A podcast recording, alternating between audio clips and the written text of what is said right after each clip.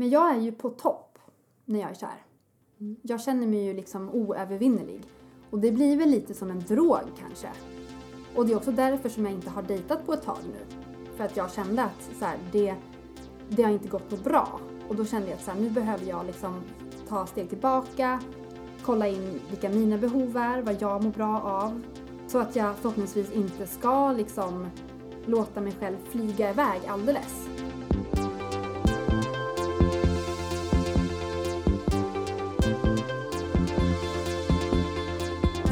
Du lyssnar på HSP-podden med Leverby och Klar.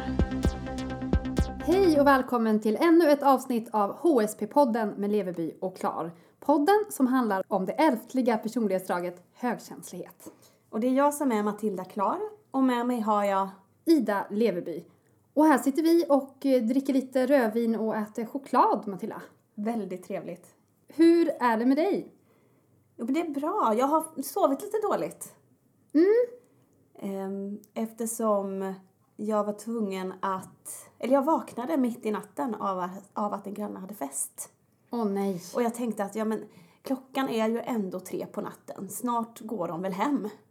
Så jag låg där och vred mig i sängen. Men minuterna bara tickade på. Så vid 5.30 fick jag nog. Och gick upp och sa till. Men du vågar ändå det?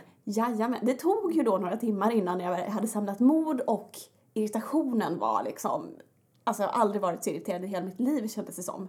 Och då kunde jag ju inte annat än, nu måste jag gå. Hur kom det ut sen då? Till den här grannen? På ett väldigt tydligt och irriterat sätt skulle jag vilja säga. Det var liksom, hon bad ju liksom om ursäkt innan jag ens hade sagt någonting men trots det så, jag var väldigt hård. Du behövde bara med din energi visa att nu räcker det. Ja. Så att lite, ehm, jag har inte sovit eh, mina timmar, men annars är det bra. Men eh, det är ju bland eh, det värsta, tycker jag, när man inte får sova. Då får jag rent ut sagt panik. Ja. Det är ju dels, det, är ju det som är ett av irritationsmomenten när man ligger där klockan fyra, fem på natten och bara jag får inte sova, jag måste få sova. Men du sa till och de blev tysta. Ja. Bra till jobbat! slut. Tack! Hur är det med dig? Med risk för att låta lite, lite överdriven och lite överkänslig så har detta varit veckan från helvetet. Oj, det låter inte kul. Nej, alltså det har varit stunder då jag har undrat om jag kommer att hålla ihop. Och jag befinner mig fortfarande i detta tillstånd. Eh, Det är lite bättre nu. Men det är eh, mycket som händer just nu i mitt liv. Jag berättade ju i förra avsnittet att vi har eh, på jobbet flyttat till nya lokaler. Ja. Och det är väl kanske inte liksom jordens undergång. Men för mig som högkänslig så reagerar jag väldigt starkt på förändringar, både små och stora. Och för mig har ju det här varit en plats jag har gått till eh, dag efter dag, i, år efter år. Och det har varit en stor trygghet i att allting är på samma sätt. Det är en väldigt föränderlig bransch och jag är en flexibel person men jag behöver min trygga vrå liksom. Och så sprang folk runt med flyttkartonger och ja, jag hittade knappt till toaletten eller till köket och tänkte att ja, men jag vet med mig det här, att det här kommer vara jobbigt och det kommer bara vara jobbigt i några dagar och sen så kommer det bli bättre. Men eh, då i samma veva fick jag beskedet att mina föräldrar, som nu börjar komma in på ålderns höst, har beslutat sig för att eh, sälja mitt barndomshem. Och det kan ju också låta som någonting totalt normalt. Men för mig har alltså den här platsen som ligger ute på landet varit källan till trygghet. Det är där jag har hämtat kraft, det är där jag har hämtat liksom energi. När jag har kraschat så har jag alltid kunnat känna mig välkommen där. Och det kommer jag att göra nu också. Det kommer ju att finnas en ny plats att vara på. Men just det där i att känna skogen och träden och liksom känna varje liten sten och veta vart allt ligger och liksom hitta på en plats med förbundna ögon. Och liksom kunna gå ut mitt i natten och kolla på stjärnorna och klappa hästar på somrarna. Alltså det, det är jätte, stort för mig. Men jag kom ju till dig och var alldeles gråtfärdig där. Ja. Så det... Ja, det får vi se hur det går. Nu måste jag hitta en ny plats. Och förhoppningsvis blir väl den i mig själv. Ja, vad fint det vore. Ja, men jag behöver nog fortfarande en oas rent geografiskt. För nu bor jag ju i Stockholm och det är väldigt mycket människor här. Och jag har ju kunnat ha den platsen på landet som min tillflyktsort. Mm. Och det skulle jag behöva skaffa mig en ny liksom. Ja, men ibland behöver man ju liksom resa, alltså fysiskt Mm. ta sig ifrån där man är nu för att känna att man kommer ur den där bubblan Mm. man befinner sig i. Ehm, så jag är lite rädd och jag är lite orolig för vad som, vad mer som kommer. Mm. På något sätt fick jag liksom, jag har haft sådana känningar Mm. att det här året kommer att bli ett år som innebär stora förändringar för mig. Och det har redan börjat. Mm. Mm. Så jag hoppas att det kan bli positiva förändringar. Ja. Och någonstans har jag en känsla av också att det blir så här för att jag livet vill säga till mig att inte försöka kontrollera saker. Mm. Att jag bara ska följa med i flödet. Okej. Och det gillar inte jag. Nej. Du vill ha kontroll. Jag vill ha kontroll. Eh, och till råga på allt så dejtar jag också. Det har ju lagt liksom ytterligare lök på laxen. Eller vad man ska säga. Och det är ju precis det som vi ska prata om idag, så det är ju väldigt passande att du tar upp det. Dating. Hur det är att som högkänslig och känslig ge sig ut i hopp om att få träffa kärleken. Och det kan ju vara alldeles eh, fruktansvärt har, vi fått, eh, fått veta. Vi har sett i flera trådar på Facebook i högkänsliga grupper att det verkar vara något av ett bekymmer för oss högkänsliga. Det här med att dejta. Det ställer till det på alla möjliga sätt. Ja, eh, vi har spanat lite på Facebook och eh, det finns eh, Eh, två ganska olika sätt att känna och bete sig som högkänslig utifrån vår lilla ministudie här då. En del beskriver det bland annat som att de förstorar upp saker när den andra personen eh, till exempel inte svarar på känslorna precis direkt. Eh, som börjar planera en framtid ihop, att bli sambo och skaffa barn tillsammans direkt. Och högkänsliga som blir blinda av lycka och välbefinnande. Som tänker för mycket och har planer för allt på momangen. Som fantiserar omfattande, som blir otroligt helt lyckliga i kroppen och tappar fotfästet totalt. Underbart men så läskigt, konstaterar en person. Det var den ena ingången till förälskelse. Den andra eh, framträdande gruppen känner i princip helt tvärtom. De har svårt att lita på personen, tar lång tid på sig att lära känna en person innan de tillåter känslor. Eh, och som blir rädda och drar sig undan när någon visar känslor innan den andra personen faktiskt har lärt känna en. Och vem av de här är du som lyssnar? Hör gärna av dig till oss på mail leverbioklar.gmail.com Gör Det är ett sätt. Och det här avsnittet kanske ni som redan lever i en relation tänker att ni inte har så mycket utbyte av. Men då ska ni tänka om, tycker vi. Det kan ändå vara intressant att titta tillbaka och se sina egna mönster. Ni som lyssnar och som har en relation. Hur var det i början av er relation, när ni dejtade? Hur har du haft det innan? Hur har det spelat in att du är högkänslig? Och hur är det nu? Och ni som är inne mer på föräldraskap och har bildat familj och redan har en långvarig relation så kan vi tipsa om våra avsnitt om just de här ämnena. Avsnitt nummer 14 handlar om långvariga kärlek, kärleksrelationer. Avsnitt nummer 13 handlar om föräldraskap och eh, avsnitt nummer 7 handlar om högkänsliga barn. Men hur relaterar vi till det här med dating? Vad känner vi igen oss i från tråden? Det här är ju ändå vår podd och jag vill veta hur det är för dig. Jag har mina aningar Ja, vilken kategori som du tillhör och vilken kategori som jag tillhör. Ja, och eh, jag känner, det var en fras som var särskilt träffande för mig tycker jag eh, i de här Facebook-kommentarerna. Och det var ehm, att det var någon som skrev att de tar lång tid på sig för att lära känna någon innan de tillåter känslor. Eh, att man blir rädd och drar sig undan när någon visar känslor innan den andra personen har faktiskt har lärt känna en. Och där passar jag nog in tror jag. På vilket sätt då? Ehm, att jag kan bli ganska, jag tror jag kan bli ganska rädd för starka känslor från den andra personen i tidigt skede eftersom jag känner att det blir inte genuint för att den här andra personen har ju faktiskt inte lärt känna mig än. Och då känner jag att det blir falskt. Att den inte kan se det här fina med dig på en gång, att det krävs en stund. Ja. Lite så. Eh, Så jag har nog ganska svårt. Och jag har fått den där frågan bara, eh, hur, det- har du lätt för att bli kär? Och jag har tänkt att, nej det vet jag inte, det har jag väl inte. Men nu har jag faktiskt kommit fram till att jag har nog ganska svårt för att bli kär. Det tar, ja, det tar, lång, det tar lite längre tid. Men om du tvivlar på den andra personen då, att, det, att den behöver lära känna dig, har du samma med, med killen du träffar då? Att du behöver lära känna honom? Ja. Det är nog lite ömsesidigt där. Det kanske är det det handlar om. Att jag blir ju inte kär så lätt, så varför ska den andra personen bli kär så lätt? Det rimmar kanske inte riktigt med...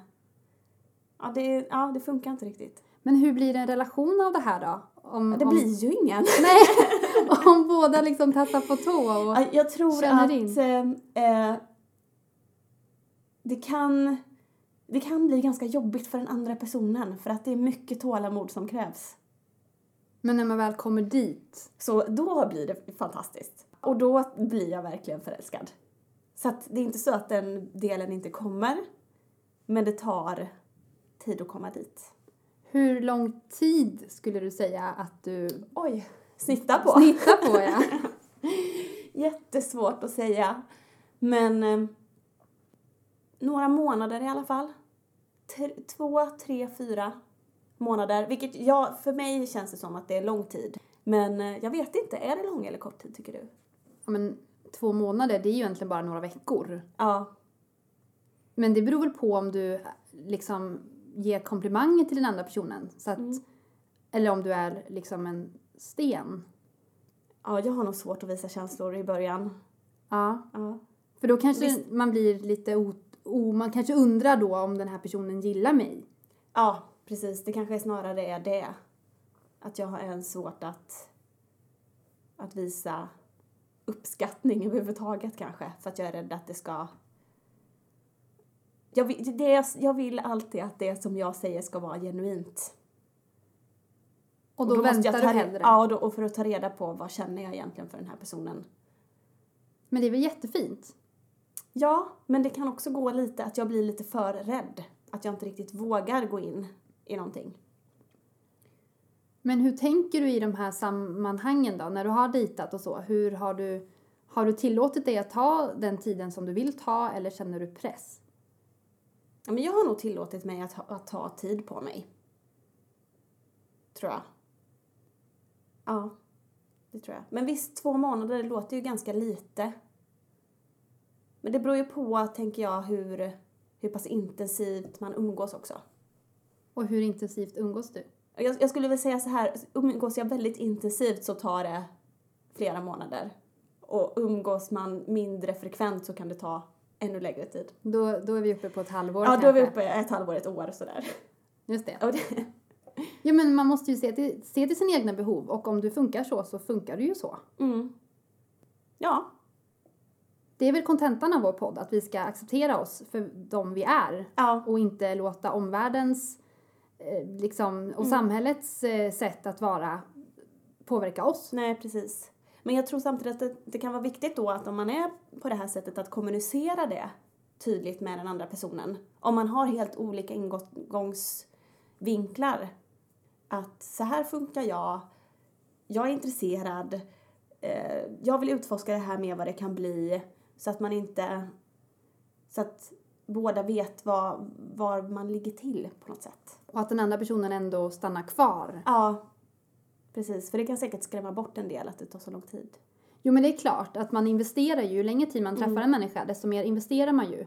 Och skulle man dejta dig i ett halvår och bli väldigt förtjust och så kommer du på då efter ett halvår att nej men nu har jag undersökt och det var ingenting för mig. Det är klart, då kan man ju bli ganska bränd. Ja, visst. Å andra sidan kan det gå hur bra som helst. Ja, för att det kan ju vara så att jag märker att det här, efter ett halvår, det här var verkligen något för mig. Och då blir det ju jättebra, tänker jag. Om den andra vill. Ja, och då känner ni ju varandra. Ja. Och då kan du lita på att det han säger är genuint Mm. och han kan lita på att det du säger är äkta. Mm. Känner du igen dig? I det du berättar, Mm. absolut inte. Nej. Jag är ju en sån som eh, är glad för att det går att annullera äktenskap. Ja. jag har inga äktenskap bakom mig, Nej. det ska sägas. Men hade den andra personen varit med på det i vissa tillfällen, då hade jag nog varit både gift och skild nu. Alltså känns det rätt, då tycker inte jag att det finns någon mening med att vänta. Utan jag litar ju på mina känslor. Och jag känner ju om jag får en djup kontakt med en människa, om det är någon som, som jag förstår och som förstår mig. Och då blir jag väldigt, eh, väldigt kär, väldigt snabbt. Det är liksom som att trycka på en knapp. Och jag kan liksom sjunga i regnet och, och få liksom fjärilar i magen och, och sådär. Ehm, men det är ju inte helt lätt. Nej. För det är jobbigt. För dig eller för den andra personen? Ja, men både och. Det är jobbigt för mig för att jag tappar ju liksom mina värdefulla rutiner som ändå är så viktiga för mig för att jag ska vara i balans. Jag blir ju väldigt så här, ja men liksom om personen skulle ringa mig mitt i natten och bara jag vill ha en kram, då skulle jag kunna tänka mig att så här, boka en tågbiljett och åka till den personen bara för att ge den personen en kram. Mm. Nej men det känns ju helt absurt. Och det hör jag ju när jag säger det också, att det är ju galet. Men så fungerar jag när jag blir förtjust. Mm. Samtidigt, om det är en person som är lika intensiv som jag, då blir jag ju lite misstänksam. Okej. Mm. Att eh, det ska liksom brinna ut. Ja. Att det här är någonting som inte riktigt, det är någonting som inte riktigt stämmer med att den här personen blir så otroligt förälskad i mig på så kort tid. Det var lite det som jag sa också där, att man blir lite så här, jaha, eh, du känner ju knappt mig. Hur kan du Precis. få så starka känslor? Men du kan ju själv få så starka känslor Ja. för någon annan. Mm. Så det är ju lite av en paradox liksom. Men jag är ju på topp när jag är kär. Jag känner mig ju liksom oövervinnerlig. Och det blir väl lite som en drog kanske. Och det är också därför som jag inte har dejtat på ett tag nu. För att jag kände att så här, det, det har inte gått något bra. Och då kände jag att så här, nu behöver jag liksom ta steg tillbaka, kolla in vilka mina behov är, vad jag mår bra av. Så att jag förhoppningsvis inte ska liksom låta mig själv flyga iväg alldeles när jag träffar någon. Så att jag står på en bättre grund. Gör du det nu? Ja, men jag har lugnat ner mig betydligt. Ja. Det måste jag säga. Nu undersöker jag saken mer. Och snålar nog en del med mina känslor. Kanske. Jag tar mer in den andra än vad jag visar mina egna känslor. Mm. Liksom att så här, ja men nu är utmaningen för mig att stå upp för mig själv och mina behov. En sån här sak bara som att jag behöver sova. Och komma till den andra personen med liksom öronproppar och ögonmask. Mm. Bara en sån sak. Och så här, får jag inte sova så bryter jag ihop. Det har jag aldrig liksom sagt till en annan person utan då har jag liksom kanske inte sovit så bra och så har jag kommit hem och så har jag brutit ihop men inte sagt något till den andra. Nej, Nu försöker jag mer liksom visa vem jag är och alla mina sidor redan i början. Inte liksom fullt ut, kanske. Men Inte blotta sig helt och, och fullt på det sättet, men mer så här, sån här är jag. ja, sån så här, här är funkar jag. jag. Om funkar det för dig så kan det här vara intressant, annars så... Precis. Ja, för annars så har jag nog, tidigare har jag nog hållit på, så har jag inte förstått att jag är högkänslig heller. Och då har jag hållit på de här eh, sakerna, underligheterna som jag har kallat det innan. Nu förstår jag ju att det inte är det. Och då har, ju, har jag anpassat mig så himla mycket och bara känt in den andra. Och nu är jag mer så här att, ja men nu vill jag veta av den jag dejtar, liksom vad har du att ge mig? För jag vet att jag är en person som, när det väl smäller till, då kan jag ge hur mycket som helst. Mm. Så nu vill jag mer veta liksom att okej, hur reagerar du på mig? Och om jag får ett känslo, om jag får en känslostorm, blir du rädd? Backar du? Kan du hantera det? Mm. Jag ställer mycket mer krav på den andra personen. Jättebra, tror jag. Ja, Mm. jag tror att i alla fall att det är det enda hållbara sättet. Sen så är det lite tråkigt också för att det var ju så härligt att vara kär. Ja. Tror du inte att, att du kan bli det även när du går fram på det här sättet? Alltså för mig har ju kärleken alltid slagit ner som en blixt från en klar himmel. Mm. Och det har ju inte funkat. Så nu tänker jag att kanske kan det växa fram och bli någonting annat. Men det finns ju också stunder då när jag tänker att, ja men, nu känns det ju så vanligt. Du vet, vardagligt. Och det är kanske det man ska, det är så man ska ha det. Mm. Men det är ju inga fåglar som kvittrar eller Nej. träd som blommar. Nej. Det var det ju förut. Mm. Kanske en mix där, att jag inte riktigt... Eh, jag, hittar, jag hittar, försöker hitta min väg. Mm. Så. Och Elaine Aron, hon skriver ju en hel del om kärlek. Och där kan man ju känna igen sig. Eh, dels i boken Den högkänsliga människan, men också Den högkänsliga människan och kärleken. Och där skriver hon faktiskt att hennes forskning pekar på att högkänsliga blir häftigare och mer intensivt förälskade än andra. Så tydligen så är ju också det någonting som, som det innebär att vara högkänslig. Mm. Och att det också kan vara bra att agera så här. För att forskning visar till exempel att förälskelse tenderar att öka känslan av kompetens och kan utvidga en persons självbild. När man är förälskad känner man sig helt enkelt starkare och bättre. Just det. Och då har jag funderat på om jag kanske har använt kärlek som en drog. Ja. På något sätt. För jag har ju verkligen känt mig som att jag är ostoppbar. Ja. Men det kan ju också, skriver hon, vara rena döden för den andra personen som får ta emot all denna kärlek. Elaine Aron skriver att extremt intensiv kärlek ofta kan bli avvisad. Just för att den är så krävande och orealistisk. Och det är ju det som flera av de högkänsliga skriver i den här Facebook-tråden. Ja. Att de har skrämt iväg en och annan. Ja, men precis.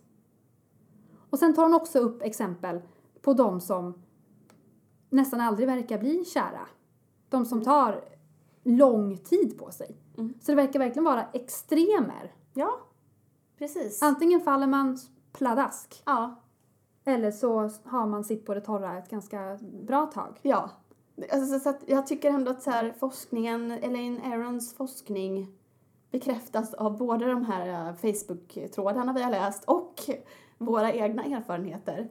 Och jag tycker det är så skönt att, att känna igen sig. För jag har ju alltid tittat på, och det, och det har jag ju sagt också i avsnittet där vi pratar om kärlek, att jag alltid har tittat på mina vänner som inte är högkänsliga och undrat hur de får det att hålla ihop. Men det ser jag ju nu att det är klart att om man inte går in i den andra personen, om man inte blir så här extremt förälskad, om man inte blir inom citationstecken galen av kärlek, det är klart att då kan man ju ta tid på sig eller man kan liksom känna efter själv och man kan umgås med den andra människan på liksom rimliga sätt på något vis. Men jag menar, jag har ju föreställt mig i bröllopsklänning redan efter första dejten. Ja. Och det är inte ens säkert att man själv vill det. Nej, nej visst. Det bara kommer som av en, Ja. det blir som någon tvångstanke nästan. Mm. Jaha, skulle han bli en bra pappa? Mm. Fast jag kanske inte ens själv skulle vilja att han skulle bli pappa till mina barn. Nej, precis. Men det är skönt att man känner igen sig och hoppas att ni som lyssnar också kan känna igen er lite grann i det som vi berättar. Och viktigt att säga då tycker jag att allt är tillåtet i kärlek, som det bekant heter. Exakt. I alla fall det mesta. Men var, var hittar man då andra? Var, var, var har du hittat? Har du några tips? Tips där jag har hittat eh, högkänsliga killar. Ja. De har i många fall kommit till mig. Ja. om jag har, eh, när jag har varit öppen, eh, om jag berättar lite grann sådär om, jag menar att jag gillar andlighet och, och, och vad jag tror på, hur jag tänker så här, så jag kan, det är märkligt, jag kan trä, träffa dem, alltså stereotypt sett, Mm. eh, minst känsliga människor liksom på jorden Mm. som jag kan tänka. Det är liksom personer som tycker om statusyrken och som har väldigt mycket pengar och som verkar ganska liksom fyrkantiga. Mm. Och sen kommer det ändå fram Mm. att de eh, tror på andra sidan till exempel. Mm. Eller att de eh, see dead people, du vet. Ja. Alltså att det, så jag tror att de, jag lockar till med dem. Men annars platser kurser och sånt där som jag har gått på. Ja. Alltså såna här, om jag har gått eh, skriva kurser eller eh, skapa kurser, sådana kurser. Då, där har det funnits trevliga.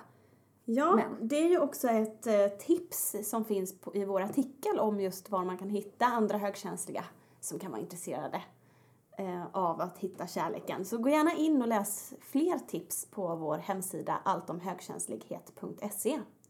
Men annars så tycker har inte vi kommit fram lite till att eh, folk avslöjar sig ganska snabbt om vilka de är. Och där tänker jag också, men det kan ju också vara positiva saker. Tror jag. Absolut. Att man berättar direkt att, eller visar vid första anblick att eh, jag är en känslig person. Så då, och då vet man det. Så att jag, jag tror ändå att vi, känsliga och högkänsliga, finns överallt. Om vi bara liksom, och att det går ganska snabbt att se vilka som faller in under de här kategorierna. Ett tips kan ju vara att börja prata om lite djupare saker och se om personen nappar. Mm. Eller börja prata om sånt här som betyder mycket för, för oss. Och kanske säga då, jag har ju börjat säga på mina dejter att jag är högkänslig. Hur har det gått hem? Jo, men det var någon som frågade HSB. Mm. Mm. Och då visste jag på en gång att eh, nej, N- nästa. Just Så det. kände jag Mm. lite. Eh, och sen var det faktiskt en som sa att ja men är inte det det här personlighetsdraget som innebär att eh, man lättare tar in intryck? Mm. Bingo! Verkligen. Ja, Snyggt. Och ingen värdering i det eller så åt det ena eller andra hållet egentligen. nej, utan bara sån här ja. Men jag tycker att det är viktigt att säga. Därför att det blir lite, alltså det är ingen ursäkt. Men det är en förklaring till varför det kanske inte är samma att dejta en högkänslig som att dejta en robust. Mm. För det är det inte. Nej. Det ju, kan ju vara bra på så många sätt. Det är ju bra på så många sätt. Mm. Men det finns ju också saker som kan vara en utmaning. Och då behöver man kunna möta det, tycker jag, som i en relation med någon som är känslig eller högkänslig. Om man inte båda är det då. Men det har vi ju, det har vi ju varit inne lite på. Ja, men det har vi. Och du vill ha en annan högkänslig helst. Helst. Och jag vill ha en annan känslig helst. Men jag tror att det svänger lite sådär. Mm. Nu tänker jag att det är viktigt att personen ja, men har, eh, vad ska man säga, är förstående. Mm. Oavsett om personen är känslig eller inte. Mm. Att den förstår att jag är det.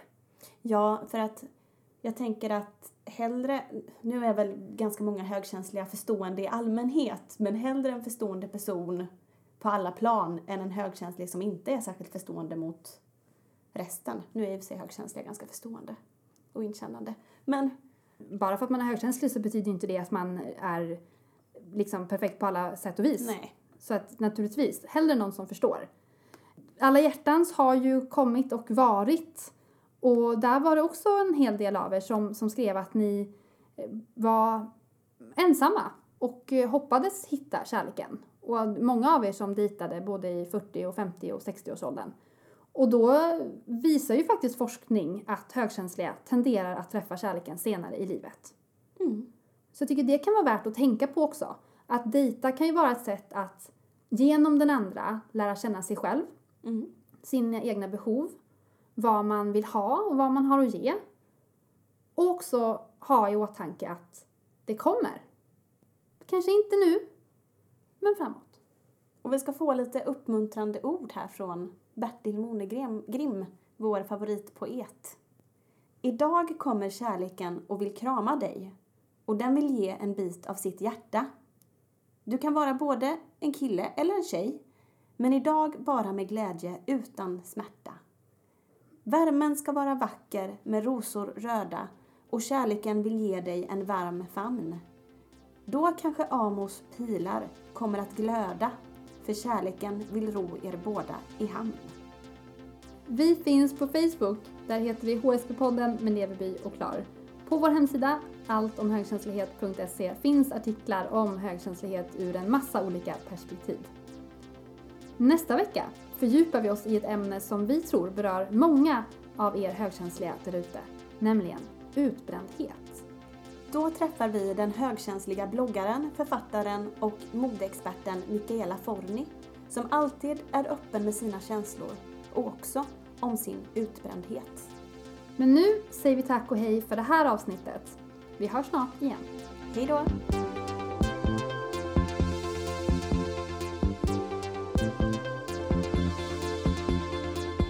Du har lyssnat på HSP-podden med Leveby och Klar.